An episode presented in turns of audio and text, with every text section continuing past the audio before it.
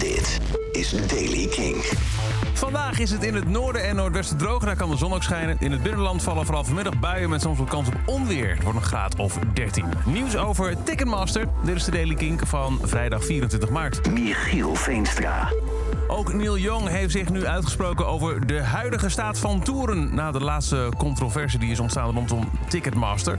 De Ticketmaster staat al langer onder, uh, onder druk, ligt onder vuur... nadat allemaal dingen fout gingen met bijvoorbeeld grote verkopen van tours van Taylor Swift. Maar nu ging het uh, over Robert Smith van The Cure.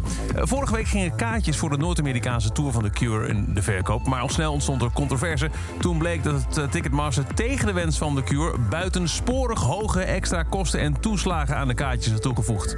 Voordat de kaartjes in de verkoop gingen, zei Robert Smith in een verklaring aan fans dat de band Ticketmaster koos als hun ticketpartner, omdat ze hoopten dat ze fans betaalbare kaartjes zouden kunnen bieden die niet direct en vreselijk vervormd zouden worden door doorverkoop.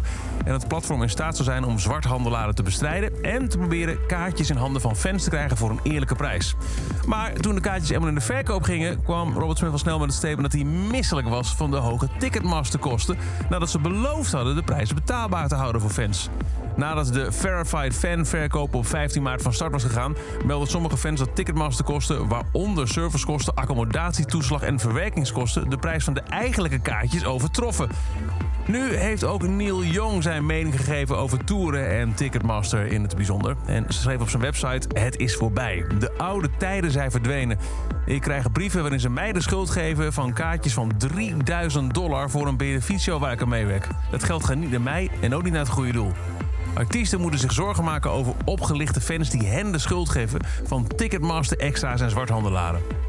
Concerttours zijn niet langer leuk. Concerttours zijn niet meer wat ze waren. Al dus Neil Young.